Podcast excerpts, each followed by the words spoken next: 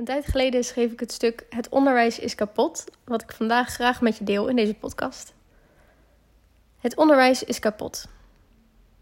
We claimen dat we met het huidige onderwijs kinderen voorbereiden op de toekomst.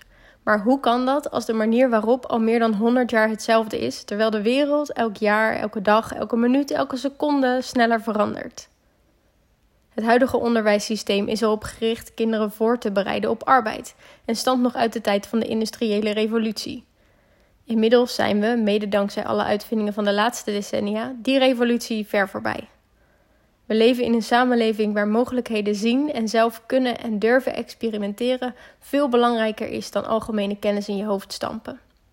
En toch is er in het onderwijs in al die jaren bijna niets veranderd. We claimen dat we met het huidige onderwijs kinderen voorbereiden op de toekomst. Maar hoe kan dat als je geen flauw benul hebt hoe die toekomst eruit zal zien? Eén ding is zeker: de wereld zal sneller veranderen dan ooit tevoren.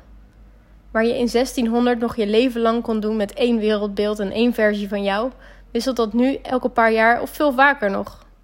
En dat vraagt om flexibiliteit.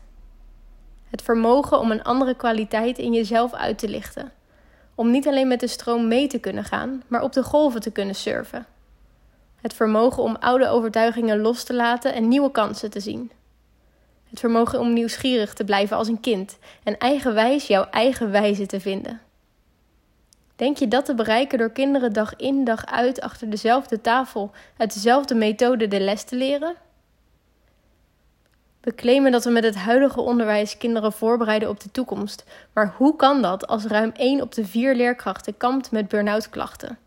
Doordat ze zichzelf in hokjes duwen en in bochten wringen omdat het nu eenmaal zo hoort.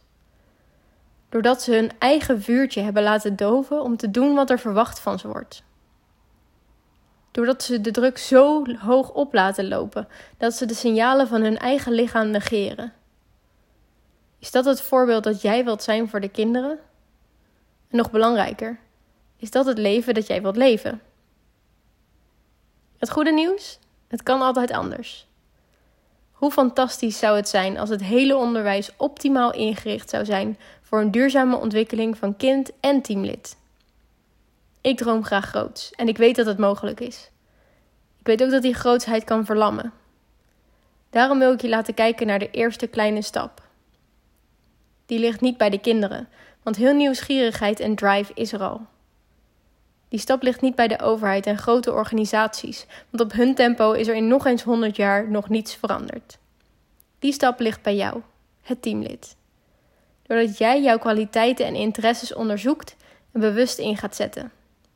Doordat jij jezelf 100% meeneemt de klas in en jouw onderwijs zo inricht dat jij je volle potentieel kunt ervaren doordat jij de kinderen, ouders en jouw team inspireert met de terugkerende schittering in jouw ogen.